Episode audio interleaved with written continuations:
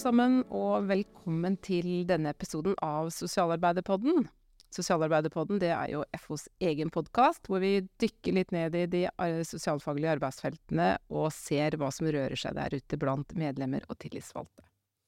Og i dag så skal vi snakke om noe som jeg veit at mange er opptatt av, og det er hvordan vi møter ungdom som har problemer på ulikt vis. Uh, og til å snakke med oss om det, så har vi fått uh, to menn fra Oslo som jobber i uteseksjonen, og det er Børge og Jonas. Velkommen til dere. Takk. Jeg lurer på om vi rett og slett må starte med at dere presenterer dere litt sjøl, sånn at lytterne forstår hvem det er jeg sitter med her. Vi kan jo starte med deg, Børge. Ja, jeg heter Børge Erdal. Jeg er sosionom eh, av eh, yrkesbakgrunn og leder i uteseksjonen i Oslo. Jeg har jobba i utestasjonen i godt over 25 år, både på gata og, og med ledelse de siste åra. Og eh, vært med forfatterredaktør for en fagbok ute i om oppsøkende sosialt arbeid med unge. Inngangen min har vært eh, til feltet har vært gjennom psykiatri, der jeg først jobba i en klinikk. Og så har jeg jobba i kommunalt barnevern i en liten kommune på Vestlandet. Og så har jeg vært i utestasjonen siden 1997. Ja, det begynner å bli anselig mengde år, det. Det er veldig lenge. Ja. Men det har vært mye forandringer underveis, uh, regner jeg med? Mange forandringer og mye uh, utvikling uh, og nye innganger. Og, og, feltet i Oslo sentrum endrer seg jo hele tida. Så det er spennende å være med på. Vi har fått utvikle også mange nye tjenester inni tjenestene som har vært veldig spennende. Ikke sant. Det skal vi høre litt mer om etter hvert. Og så har vi da deg, Jonas. Du er litt yngre enn Børge. Det ser jo ikke dere som lytter, men jeg ser det. Hvem er du? Eh, ja, Jonas Jobsjob heter jeg. Er barnevernspedagog. Har jobbet i uteseksjonen de siste seks årene, nærmer det seg nå. Så det er jo litt tid, men det er ikke godt over 20. um, før det så jobbet jeg på institusjon. Eh, barnevernsinstitusjoner og med enslige mindreårige flyktninger og asylsøkere. Eh, har nylig tatt en master i helsefremmende relasjonsarbeid, hvor jeg har hatt fokus på oppsøkende sosialt arbeid. Mm. Spennende. Det skal vi også høre litt mer om. Mm. Men skal vi starte jeg, jeg, heter Hanne, da, forresten. Det glemmer jeg alltid å si når jeg skal presentere her sosialarbeiderpodden, men da har vi i hvert fall fått etablert det. Uh, vi skal starte litt med å fortelle om hva som faktisk skjer på uteseksjonen. Um, hva, hva, er en uteseksjon, og, og, hva er spesielt med Oslo kontra andre steder i Norge f.eks.? De fleste kommuner har jo et eller annet form for oppsøkende ungdomsarbeid, enten det er en utekontakter, noen kaller det ungdomskontakter, kanskje det er med basis i en, en uh, fritidsklubb, uh, hva vet jeg. Men, uh, men, i Oslo så er det egentlig et svær, en stor organisasjon. Er det ikke det, Mørge? Jo, altså Uteseksjonen er Oslo kommune sin oppsøkende tjeneste i Oslo sentrum. Oslo sentrum er hovedstadssentrum og veldig lite likt eh, alle de kommunene og, og nærområdene der utekontakter flest da, jobber. Så vi er det minst typiske. Vi er en svær tjeneste og jobber med alle. Men Oslo jo, er jo hovedstad på oppsøkende sosialt arbeid òg, for vi har en over 50 års tradisjon eh, i Oslo med oppsøkende virksomhet også i bydelene. Slik at vi har veldig mange forskjellige typer utekontakter i de 15 bydelene Oslo har. Ungdomskontakter, nærmiljøteam, utekontakter, som jobber lokalt. Slik at eh, i sum så har Oslo eh, satsa veldig på oppsøkende arbeid, og det varierer veldig innhold og tematikk eh, fra oss som jobber med ganske den ja, åpne rusmiljøer og litt, ofte litt mer alvorlige ting, eh, og litt mer eh, eh, gjennomstrømming av folk, som er de miljøene som vi jobber i Oslo sentrum, der ingen bor, mm. nesten. Eh, kontra det de gjør på Nordstrand eller, eller på Østensjø eller, eller, i de andre bydelene, der de også har eh, eh robust eh, utekontakttjeneste som har jobba over mange år og, og, og er, eh, er, gode i sine nærmiljø. Mm.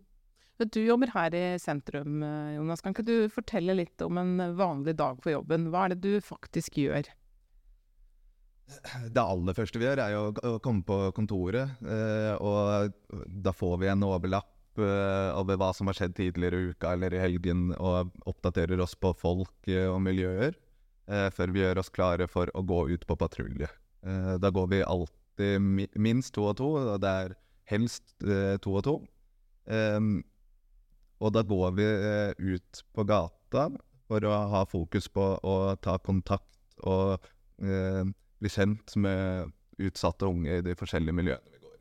Men hvordan gjør du det sånn helt konkret, liksom? Bare går du bort til noen og sier 'hei, jeg heter Jonas, hva holder du på med i dag', liksom? Ja, De spørsmålene der får, får vi ganske ofte. Det, jeg, tror, jeg tror mange av mine kollegaer kjenner seg igjen i det, og at eh, det er veldig mange som lurer på hvordan vi faktisk eh, gjør jobben vår. I de miljøene vi jobber mye så er vi veldig ofte godt kjent av noen. eh, Så det gjør det litt mer naturlig, men vi står også ofte i litt sånn unaturlige kontaktetableringer, pleier vi å kalle det. Eh, og der finnes det ikke én fasit på hvordan man gjør det, men eh, sikkert eh, 30 forskjellige hos oss. Og folk er forskjellige om å bruke seg selv litt i måten man gjør det på, men som regel så handler det om å bare starte med et her. Mm. Hvordan gjør du det, da? Eh, jeg er mange, mange liker å planlegge før de går inn i kontakter og, og legge en strategi. Med, jeg liker ikke det så godt, fordi det er veldig vanskelig å planlegge hva svaret skal bli, og hvordan man blir møtt tilbake.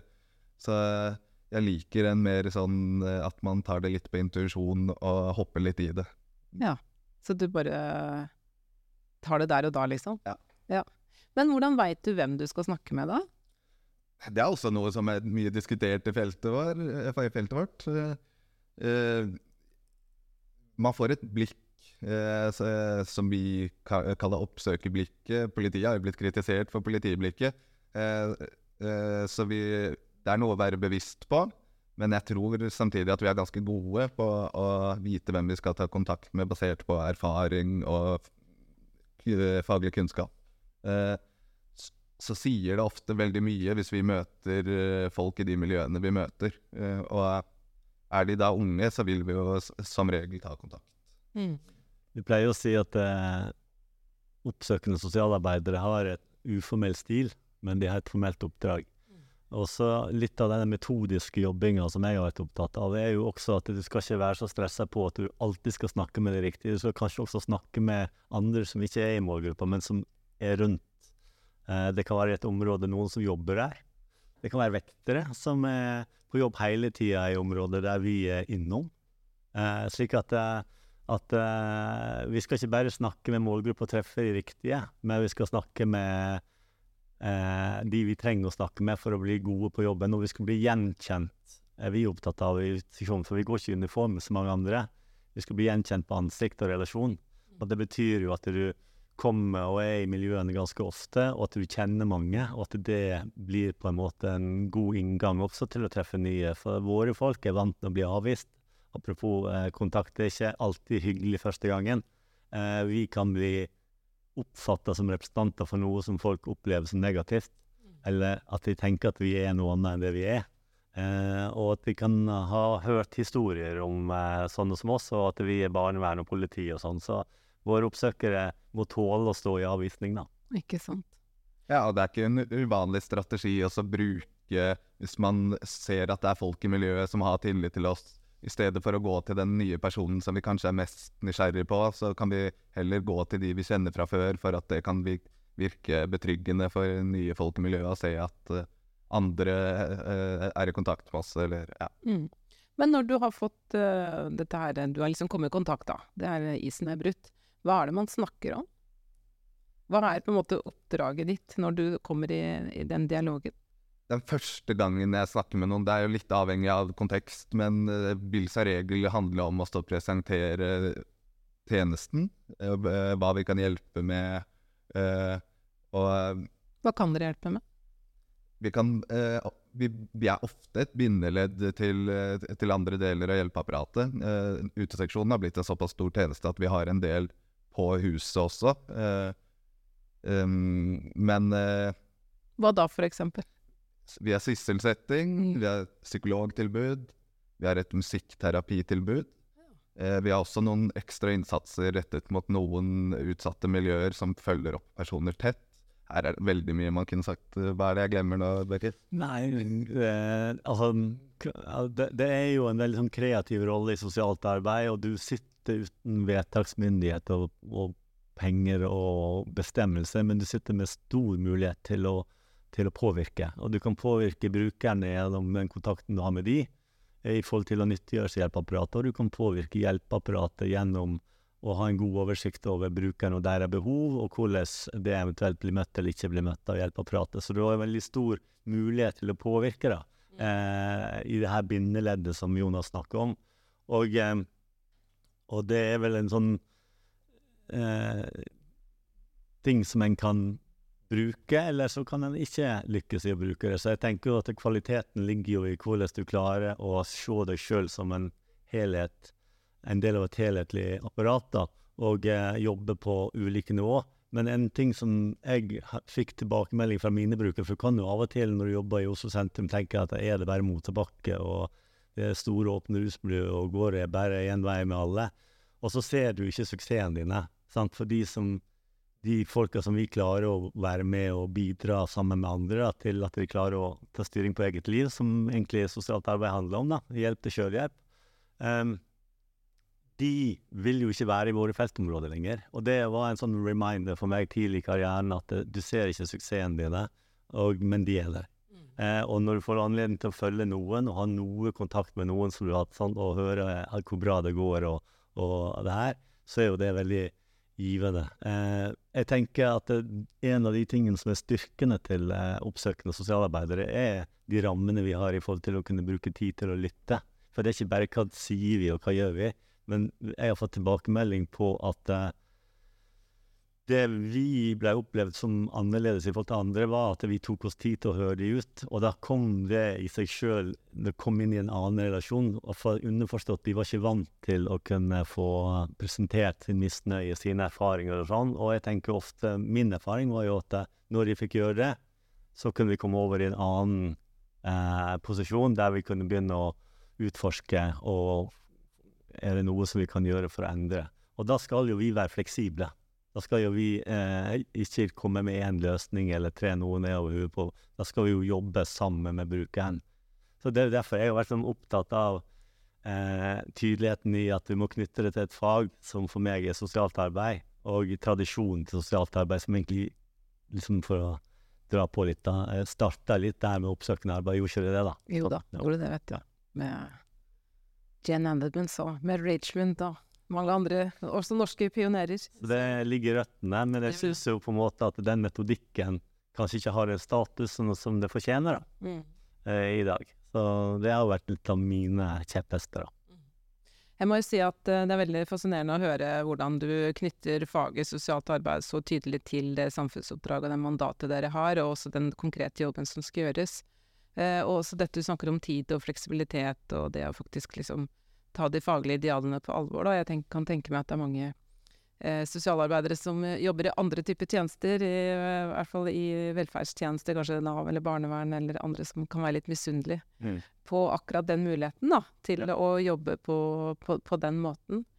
Men Jonas, du er jo du er ikke helt ny, det er du ikke, du har jo vært med i mange, mange år nå. Men kan du huske tilbake når du var helt ny og skulle inn i dette eh, sånn første gangen, ut på gata, knytte kontakter, møte folk som er ganske utslåtte på veldig mange måter, og mye elendighet, egentlig. Hvordan var det egentlig for en litt sånn fersk barnevernspedagog?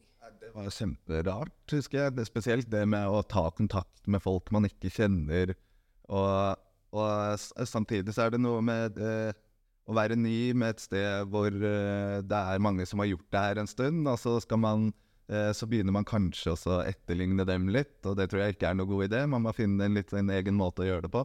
Så jeg, jeg husker det var veldig eh, spesielt de første kontaktene, og litt stressende og ubehagelig. Er, det noen, er det noen av de du møtte som, du, som gjorde sterkt inntrykk på deg? Eller det kan jo hende det er noen som du møter fremdeles som gjør sterkt inntrykk på deg, men Ja, det er, det er det. I Oslo sentrum så er det eh, mange skjebner. Og med, det året jeg begynte, i 2017, så, så var det en sånn Kall det oppblomstring i eh, ungdomsmiljøet på Oslo S. Så mange av de jeg møtte da, har, har eh, ikke fulgt meg tett opp eh, gjennom årene, men noen av dem har jeg fortsatt kontakt med, og mange av dem gjorde inntrykk. Mm. Det må jo være noe å, å klare å å si fordøye også og for sin egen del. Har dere, jobber dere med en sånn kollegaveiledning, eller har dere noe debrifing, eller noen sånne systemer for å på en måte prøve å bearbeide det dere ser og opplever? Eh, ja, det har vi eh, i til, eh, muligheten til å eh, debrifing etter spesielt uh, heftige hendelser, eller har vi, vi internt på huset. Vi har også noe utenfor Alternativ til vold. Får vi tilbud om hvis vi har stått i, stått i noe som har vært tøft. Mm. Så opplever kanskje jeg det aller viktigste er eh, den kollegastøtten man får hvis man opplever noe på kvelden, at man kan trekke seg litt vekk, snakke med en annen patrulje, som vi kaller det, Mm. eh, og få, eh, få gjort det sånn rett, rett etterpå. Kanskje det jeg ser på som det vik viktigste hvis man har stått i noe. Mm. Hender det at du er redd? Det har skjedd at jeg har vært, opplevd ubehagelige ting og trukket meg vekk fra miljøer, eller mm. sik vi, vi, vi snakker mye om sikkerhet, og vi trener mye på, på eh, sikkerhet. Ja. Mm. Og så, har vi, så har vi eh, siden 2000 faktisk uh, rydda plass da, til uh, noe som vi kaller for reflekterende team, der vi bruker en time annenhver onsdag der eh, sosialarbeideren kan trekke inn, og helsearbeideren kan trekke inn situasjoner de har stått i, der vi har fokus på de. Ikke, altså ikke på hva er god hjelp videre her, men eh, altså liksom situasjoner de har stått i, og hvordan de har tenkt og handla og kommunisert sammen før, under og etter, for å øke bevisstheten og styrke ja, altså øke bevisstheten rundt det vi kaller for taus kompetanse, da. Altså at en, og deling i forhold til eh, håndtering og måter å tenke om jobben, og, og kanskje også av og til få hjelp av noen i et team, eh, reflekterende team, til å få noen nye tanker om det en, sto i, da. Så det her med å stå i jobben, eh, og klare å stå i jobben, har vi en del sånn sikkerhetsrutiner og styrkingsrutiner rundt, fordi at eh, for å være helt ærlig, så har det jo vært en krevende også å holde folk. Altså, jeg er jo et unntak. Eh, det er jo ingen eh, på utstasjonen som har vært så lenge der som meg, så det er ikke, det er, ikke, det er en typisk yrkesrolle folk kanskje har litt tidlig i karrieren. Eh, for det er jo en fysisk rolle òg, du blir eksponert for veldig mye, særlig når du jobber i i Oslo sentrum så blir du eksponert for veldig mye. Altså, du, blir jo, du ser veldig mye, selv om ikke det er retta mot deg, så blir du eksponert for veldig mye som gjør noe med deg. Så jeg tror det er en krevende yrkesrolle å stå i. Så vi jobber litt for å prøve å holde folk eh, lenger enn seks år, som du vet. Da. Hvis vi hadde klart å holde alle i sju år, så hadde vi har fått en mye mer stabil tjeneste. Og det er jo viktig for brukerne. at det, det ikke er noe utskiftning av folk. og og det vet jo alle som jobber, i, hvert fall i førstelinja, at det er jo så viktig for kvaliteten at det, vi klarer å holde eh, gode fagfolk eh, i klientnære stillinger lenge. Det betyr så mye for brukerne. Absolutt. Og det handler jo også om det som du var inne på, dette med å bygge kompetanse. Altså En ting er at man har en utdanning, man har på en måte en, en grunnkompetanse som man, eh, som man tar med seg ut, men eh, faget bygges jo egentlig ute eh, i, i praksis, eller ute i feltet. Og da eh, kan vi egentlig gå litt over på det som jeg vet dere også er opptatt av, dette med metodikken, altså den oppsøkende metodikken. At dette er ikke bare eh, det er ikke bare å snakke med folk, liksom, og så ordner ting seg, men det er faktisk noen ramme, det er noen faglige rammeverk rundt her som det er også viktig å kunne lene seg på da, for å, å gjøre jobben så godt som mulig. Kan dere ikke fortelle litt om det, eh, Børge? Ja, jeg var jo ganske heldig å få anledning til å være med på det her eh, bokprosjektet da når det var en nasjonal satsing for noen år siden på det oppsøkende feltet, og skrive bok, eh, fagbok om oppsøkende arbeid sammen med Vi var et kollektiv på sju-åtte personer fra feltet. Eh, og det har jo kanskje vært å eh, Det som har klart å holde meg i faget, da, i feltet, det er jo faget mitt. Det at jeg kan eh, ha noe verktøy til å tenke gjennom hva du gjør, og måle mening med det. Og prosess og vite at du er en del av noe større. At du ikke tenker at du trenger å løse alt sjøl, men at du er med hele tida med konstant forbedring av det eksisterende gjennom å være bindeleddet. og at du jobber prosessorientert. At det, at det handler om hjelp til sjølhjelp. For at det, det som jeg, jeg, jo, Du blir jo spurt i sånne sosiale sammenhenger om det du jobber med, om det er jo samme som natteravn og sånn. Da blir en jo som sosialarbeider litt sånn Nei, nå skal du det.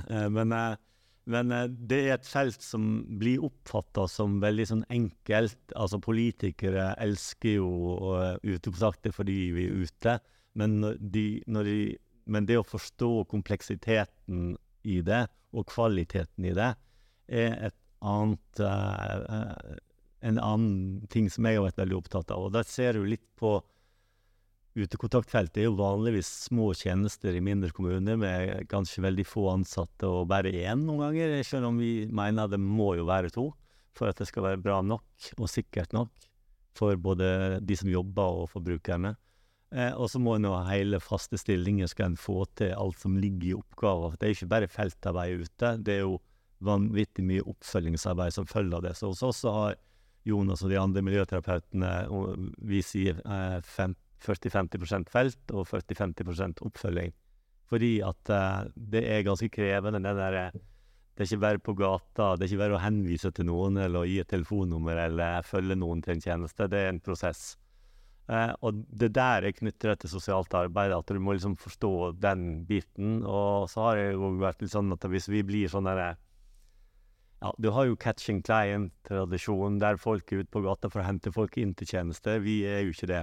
Eh, vi er en del av et helhetlig apparat eh, og skal lene oss på veldig mange andre. Vi skal være en støtte til førstelinja. Vi skal forankre arbeidet vårt i førstelinja. Vi skal ikke jobbe mot det eh, saksbehandleren i barnevernet eller, eller so, eh, på sosialkontoret Nav eh, jobber med, men jobbe sammen med de og i en dialog, dialog og kanskje eh, forsterke kvaliteten. Sånn. Så den forståelsen av å jobbe individretta og jobbe systemretta og og, og eh, ikke minst den der eh, kvaliteten den kommune får ved å ha en stabil tjeneste som, som har litt oversikt over terrenget, da. Mm. Eh, hva som skjer ute, og, og, kan ha det som en lyttepost i forhold til å forbedre det og satse riktig og sånn. Mm. Eh, det er så mange felt de slår inn på som jeg bruker sosialt arbeid på at eh, Ja, jeg vet ikke hvor jeg skal altså det, det er en jeg tenker Det er derfor jeg eh, mener veldig sterkt at kjernekompetansen i oppsøkende sosialt og helsefaglig arbeid er sosialfaglig. Og så trekker vi inn en del andre eh, kompetanser og gjør det til en sterk og robust tjeneste. Mm. Ja. ja. det er vakkert å høre på, rett og slett. Og så har dere utvikla noe som dere kaller for Oslo-standarden. Kan du ikke si veldig kort, hva, hva er det egentlig?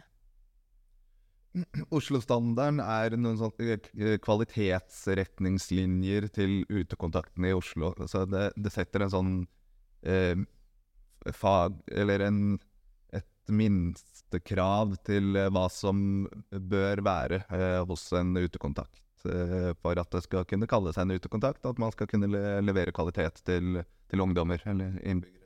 Men er det, en, er det, en, eh, standard som man også kan bruke andre steder i Norge? Altså Kan Oslo-standarden brukes i Bømlo eller eh, på Senja?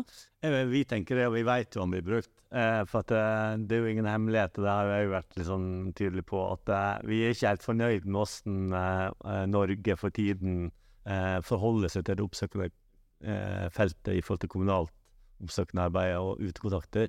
Det er ingen nasjonal satsing, det er ingen nasjonale kvalitetskriterier. Vi hadde det på plass gjennom Korus Oslo inntil for en del år siden, eh, 2015 rundt der. Eh, etter det så er det opp til hver enkelt kommune. Oslo kommune er en stor kommune, en utypisk kommune, og har muskler nok til å utvikle Oslo-standarder. Og det gjør vi på en rekke faglige områder. Vi har det på rusarbeid, vi har det på pårørendearbeid, vi har det på oppsøkende sosialt arbeid med unge. Og for den standarden som handla om oppsøkende arbeid, så var det utrolig viktig også å få altså Jonas har blitt sitert på det her med at eh, ungdom skal vite hvem de møter når de møter en utekontakt. Og bak det utsagnet så ligger det jo litt at det har sprikt litt og vært litt tilfeldig. Eh, eller for tilfeldig. Og, og, og, det er jo et forsøk på det, da. Å skape det som vi kaller for mer likeverdige utekontakttjenester i Oslo. At ungdom som jo beveger seg over hele Oslo, eh, sånn noenlunde har, eh, har eh, skjø- eh, for, forstår eh, hvilken ressurs vi kan være, og, og, hva, og hvem vi er, og hvordan vi jobber, da. Mm. Ja, altså er det jo ikke noe mål om å manualbasere noe, eller, eller få folk til å følge en oppskrift. Er, eh, det må gjøres lokale tilpasninger, men, men det kan likevel gi en veldig sånn, god veiledning på, på hvordan vi skal eh, ha tjenestene våre. Det betyr at eh, hvis det er noen der ute som lytter til oss nå, enten de er, eh, jobber med oppsøkende arbeid sjøl, eller de er politikere eller samarbeidspartnere andre som har interesse for feltet, så går det an å, å, å eh, google og finne denne Oslo-standarden for oppsøkende ungdomsarbeid og la seg inspirere. Er, det er absolutt. Vi er for å dele og stjele og sånn av, av det som blir av skriftliggjort på vårt felt. Det er for lite skriftliggjøring og forskning på oppsøkende sosialt arbeid, så vi er veldig stolte av den Oslo-standarden, og ikke minst kunnskapsgrunnlaget bak den, og tenker at den er utforma Det som jeg er veldig godt fornøyd med, er jo at det er, er ikke utseksjonen sitt produkt for arbeid i sentrum. Det er et voldsomt godt samarbeid mellom utekontakten i bydel, som representerer litt mindre lokalbaserte tjenester, og eh, den her oppsøkende tjenesten som utseksjonen representerer, med mer sånn storbyproblematikk. Så vi tenker liksom den kan brukes over eh, ja, over det ganske land, men eh, det skal alltid tilpasses lokalt. da. Det må ikke være sånn du det skal ikke være en tvangstrøye, det skal være en inspirasjon. Og så har det tatt opp i seg veldig mye av de tingene som alle fagområder må liksom jobbe litt med. Medvirkning, Mm. Barnekonvensjonen, som er veldig framme for tiden i forhold til å, å ha barn og unge med, Mm. eh, og ikke å snakke med og ikke snakke til. Alle disse tingene der. Eh, erfaringskompetanse, som er en ny eh, yrkesgruppe som vi har tatt inn i utstasjonen, er også inne i Oslo-standarden.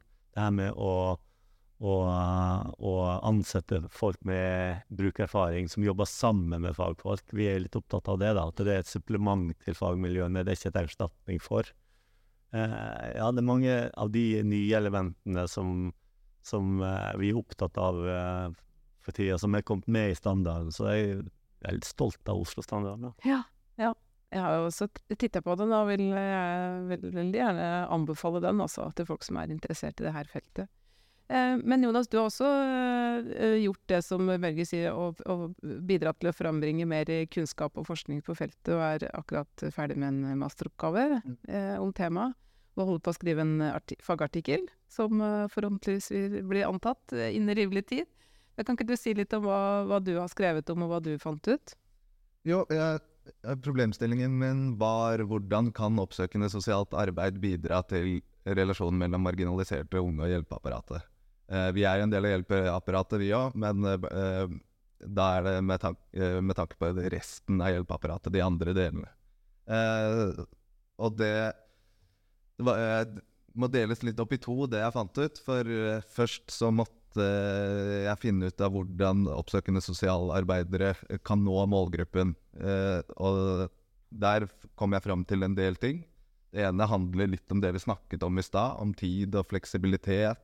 Eh, tåle å stå i avvisning. Eh, være på de stedene de unge er. Så dette er jo litt unike ting med det oppsøkende arbeidet. Kanskje det som skiller vår eh, rolle fra en del andre roller innen sosialt arbeid. At vi er ute i miljøene på stedene der ungdom er, og at vi, vi har den fleksibiliteten og tiden. Hvis, hvis en eh, av mine ungdommer ikke møter opp til en avtale, så er det ikke sånn at uh, det tilbudet er borte. Jeg kan møte han på patrulje i kveld, og så sier si jeg ja, vi prøver igjen i morgen. Uh, så det er noe med rammene våre som gjør at vi er i en spesiell posisjon til å nå de som ikke nås av de andre, som også beskrives ved, veldig mange steder som et av hovedmålene til oppsøkende sosialt arbeid. Men når vi kommer i den posisjonen, eh, så kan vi ha en ganske unik eh, rolle som eh, brobyggere til den andre delen av hjelpeapparatet. Og det er et sånt ord som, som kom opp veldig mye i de fokusgruppeintervjuene jeg gjorde, som jeg måtte se litt nærmere på hva betydde. Da fant jeg ut at det handlet om fremsnakking, ikke bare av tjenesteapparatet til ungdommene, men også fremsnakke ungdommene til tjenesteapparatet. blir eh, Mange av de unge vi møter, blir ofte beskrevet som kriminelle voldsutøvere, eh, gangstere. Men eh, så møter vi mange som har andre eh, Eller som har hjelpebehov. Og det er noe med å fremsnakke de hjelpebehovene.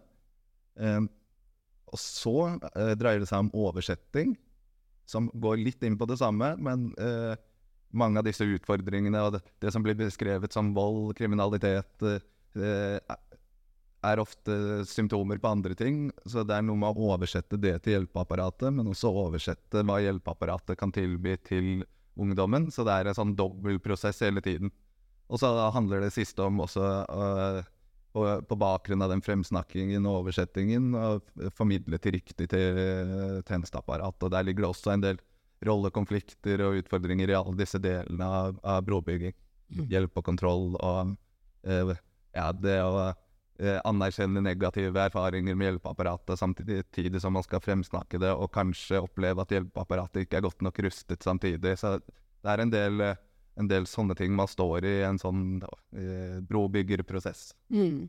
Ja, for det bringer oss egentlig litt over på um, det, Så det er jo en del dilemmaer her. altså Du sier at man jobber med de andre delene av tjenesteapparatet. Man skal framsnakke, man skal være brobygger. Men så veit vi at uh, alt er jo ikke helt uh, på stell i, det totale hjelpeapparatet heller. Og, og, ganske nylig så hadde vi jo anslag til en rusreform som uh, dessverre krasjlanda. Og nå er det bebuda en forebyggings- og behandlingsreform fra regjeringen som vi er veldig spent på og ser fram til å finne ut av hva den skal inneholde. Så hvis vi skal snakke litt politikk Børge. Mm. Hva, hvilke forventninger har du nå framover til det her feltet? Ja, Vi har jo fått noen signaler da, fra statssekretæren, som for øvrig også kjenner Oslo godt, i forhold til det oppsøkende feltet, som gjør jo at vi, vi har litt forhåpninger om at det kanskje oppsø kommunalt oppsøkende eh, sosialt arbeid overfor unge og, og utekontaktarbeid eh, får en sentral plass i den forebyggingsdelen, eh, og at det blir satt inn mer sånn i en nasjonal eh, setting. da, eh, at det ikke blir så opp til hver enkelt kommune, sånn som Kommune-Norge ser ut. Eh, så vi har store forventninger til den. og Utestasjonen i Oslo er en del av et nettverk med de større, eh, større byene og, og, de oppsøkende tjenestene. og Utekontakten i Bergen, utestasjonen i Stavanger, uteseksjonen i Trondheim, utekontakten i Bodø og utekontakten i Tromsø og uteteamet i Drammen. Og jeg nevnt alle. De heter litt forskjellige ting, men uh, vi har gjort forskjellige framstøt mot uh, forrige regjering da, uh, på vegne av feltet, som kanskje ikke ble møtt helt.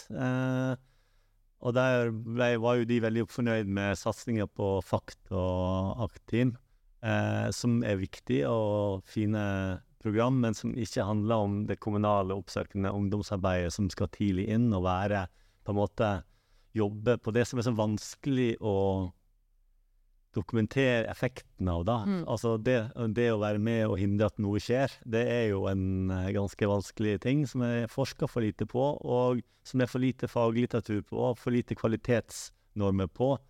Eh, så det vil vi ha på plass. Mm. Så vi kommer til å henge litt på de som jobber med den, uh, den eh, reformen i hadde, og, og, skal møte de neste uke òg, faktisk, og sjekke litt ut om åssen eh, det ligger an, og, og hvordan vårt felt kan være med å forbedre helheten, da. Uh, men da er det jo viktig, tenker jeg. Vi har jo vært, altså, nå snakker vi veldig mye om oss sjøl, men vi møter jo veldig mange, mange, mye av hjelpeapparatet og jeg tenker jo at det, en del av det handler jo også om å snakke fram, og at saksbehandlerne i barnevernet må få mer tid, mindre caseload, få anledning til å gjøre gode Altså Det er jo jeg tenker vår jobb eh, som ser og møter så mye av resten av apparatet og virker sammen med det. Og så altså, være, være, med og gjøre hverandre gode, som er sånne floskel som jeg bruker mye. Men det er jo det vi må gjøre.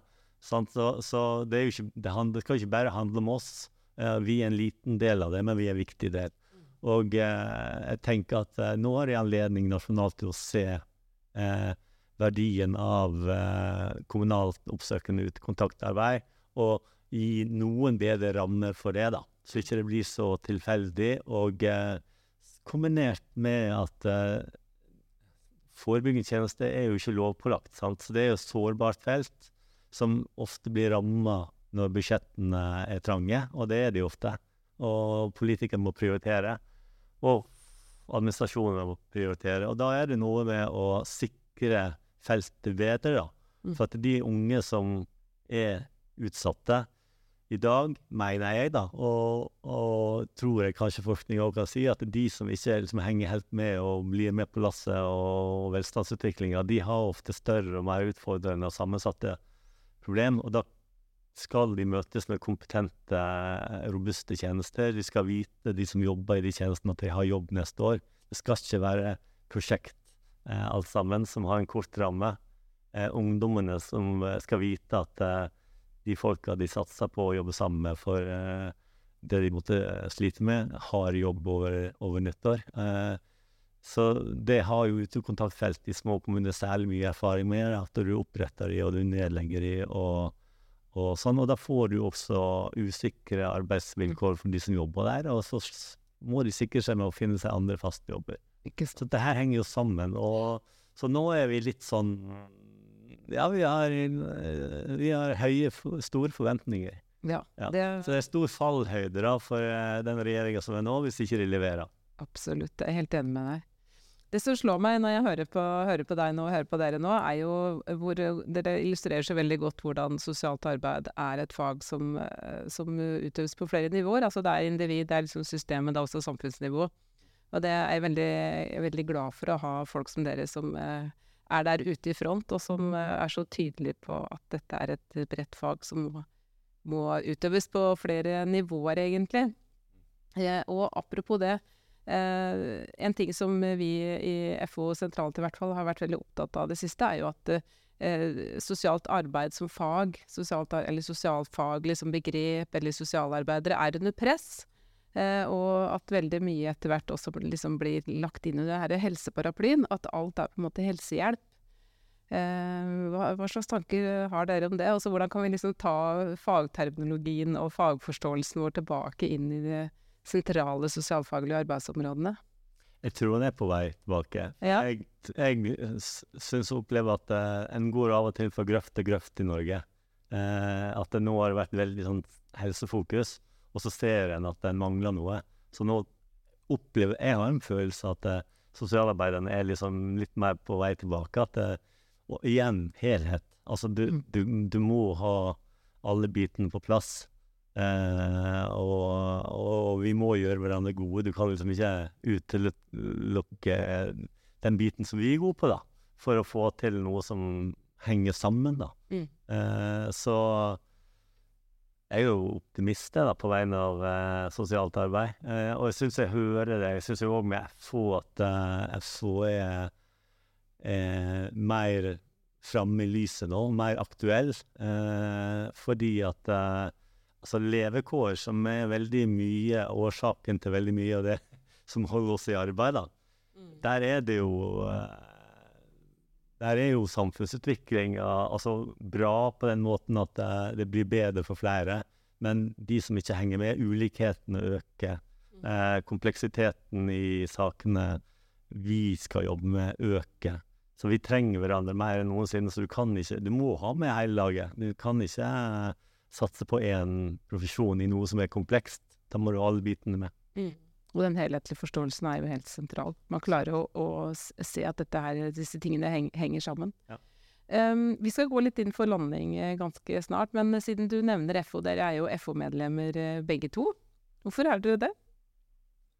Du er jo litt inne på det når du eh, beskriver hva FO har hatt fokus på i det siste. og Jeg som er barnevernspedagog opplever at FO eh, er med på også å belyse hva barnevernspedagogen kan bidra med.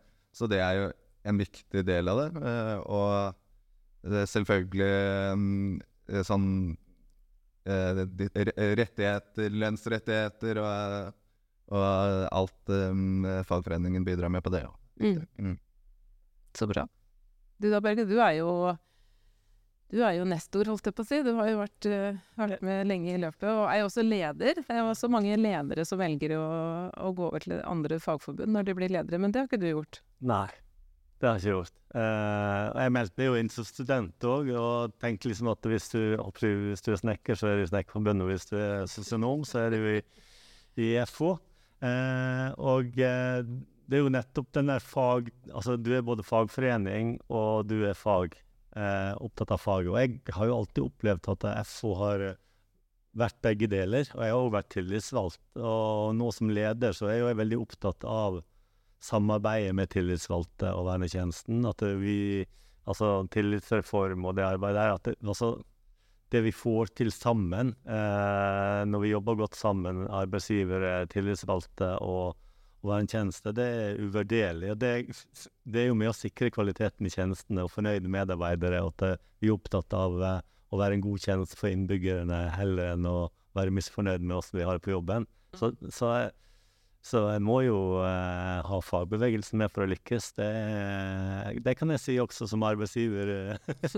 at eh, det er en del av suksessen, det. da. Og det er vel en del av den norske modellen som jeg snakker om. Og for meg så har det òg vært liksom Det handler ikke bare om lønn. Eh, jeg tror sosialarbeidere er minst kravstore med lønn, syns jeg, da. Men uh, de fortjener vi mer.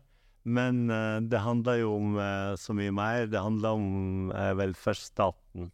Og det har jo vært en diskusjon Jeg har vært på én kongress, og det er jo snart 20 år siden. Og da var det snakk om skulle en finne seg andre forbund. Og da fikk jo vi i hvert fall ett innlegg som var utrolig godt i forhold til hvor viktig LO er da, eh, som, som arbeidstakerorganisasjon. Så for meg så er det både faget og fakket. Mm. Eh, ja. Så, så Nei, jeg har aldri vurdert å melde meg ut. Nei, det er bra. Det er vi veldig, veldig glad for. Eh, Uh, og det er jo sånn at uh, vi står sterkere når vi er mange. Ja. Uh, og det er selvfølgelig mange sosialarbeidere som også er medlemmer av andre fagforeninger, men det er altså FO som er profesjonsforbundet for eh, sosionomer, barnevernspedagoger og vernepleiere og velferdsvitere.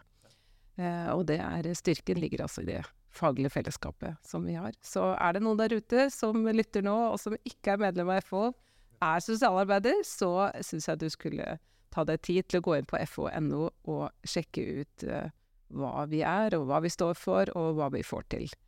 Uh, du er i hvert fall velkommen til FO hvis du skulle ønske det. Og til dere som lytter som allerede er medlemmer, vi er kjempeglade for alle de 34 000 medlemmene vi har, og vi ønsker gjerne å bli enda flere. Da skal vi rett og slett gå inn for landing. Nå har vi hatt en lang og god samtale. Jeg pleier ofte å bli beskyldt for at det er jeg som har de lengste podkastepisodene, men det er jo fordi at eh, de jeg snakker med, har så mye interessant eh, på hjertet. Har dere noen sånne siste fyndord som dere har lyst til å formidle der ute til de som hører på oss? Nei, jeg syns vi har fått eh, belyst mye av det vi er opptatt av. Men jeg tenker jo at det er viktig, egentlig fra hele det sosiale feltet, å være litt opptatt av av eh, Jeg er opptatt av at eh, det feltet som vi representerer, utekontaktfeltet, skal få en høyere status. Det får vi med å bli satsa mer på. Og Den bekjenner ikke så veldig mye til mine sosialarbeiderkollegaer. Den er mer til myndighet. Ikke sant. ja, det, og jeg, jeg, følte litt at man satt Eller at jeg var med på å sitte og si at det ikke er god hjelp der ute. Og det er det. Eh, og eh, vi må bare gjøre den tilgjengelig, og der tror jeg utekontakter og, og vi har en viktig rolle. Så sats videre på det, så kan vi få utnytta de tjenestene som allerede er der, og som funker bra. Mm. Gjør hverandre gode. Ja, det syns jeg er en veldig, veldig gode ord å ta med seg. Eh, videre. Eh, og det er noe av det jeg sitter igjen med etter å ha hørt på dere, er i hvert fall det her, liksom, den her helhetlige tilnærminga, og, og dere er veldig godt forankra i faget sosialt arbeid. Det syns jeg er veldig eh, fint å høre på. og ikke minst litt det du var inne på i stad, Jonas, at man må framsnakke andre tjenester. Altså gjøre hverandre gode, som du sier, Børge. ikke sant? man kan godt fort liksom rive seg litt i håret over andre tjenester og si ofte det er Nav og det der er barnevern og men det å faktisk uh, snakke hverandre opp uh, og gjøre de tjenestene også tilgjengelig for de som trenger det, tror jeg er kjempeviktig. Så tusen, tusen takk for den uh, jobben som dere gjør. takk for praten. Det har vært veldig hyggelig å snakke med dere. Håper dere også som lytter har, sitter igjen med litt gode tanker om oppsøkende sosialt arbeid. Er det noen som har ideer eller tanker eller meninger om hva en eh, podkasten til FO bør dreie seg om, så er det bare å komme med tips og råd til oss. Vi, eh, både på personer og på, på tema. Og ellers så håper vi at dere følger oss eh, dersom du vanligvis eh, hører på podkast. Og så er det vel ikke så lenge til vi høres igjen. Ha det godt!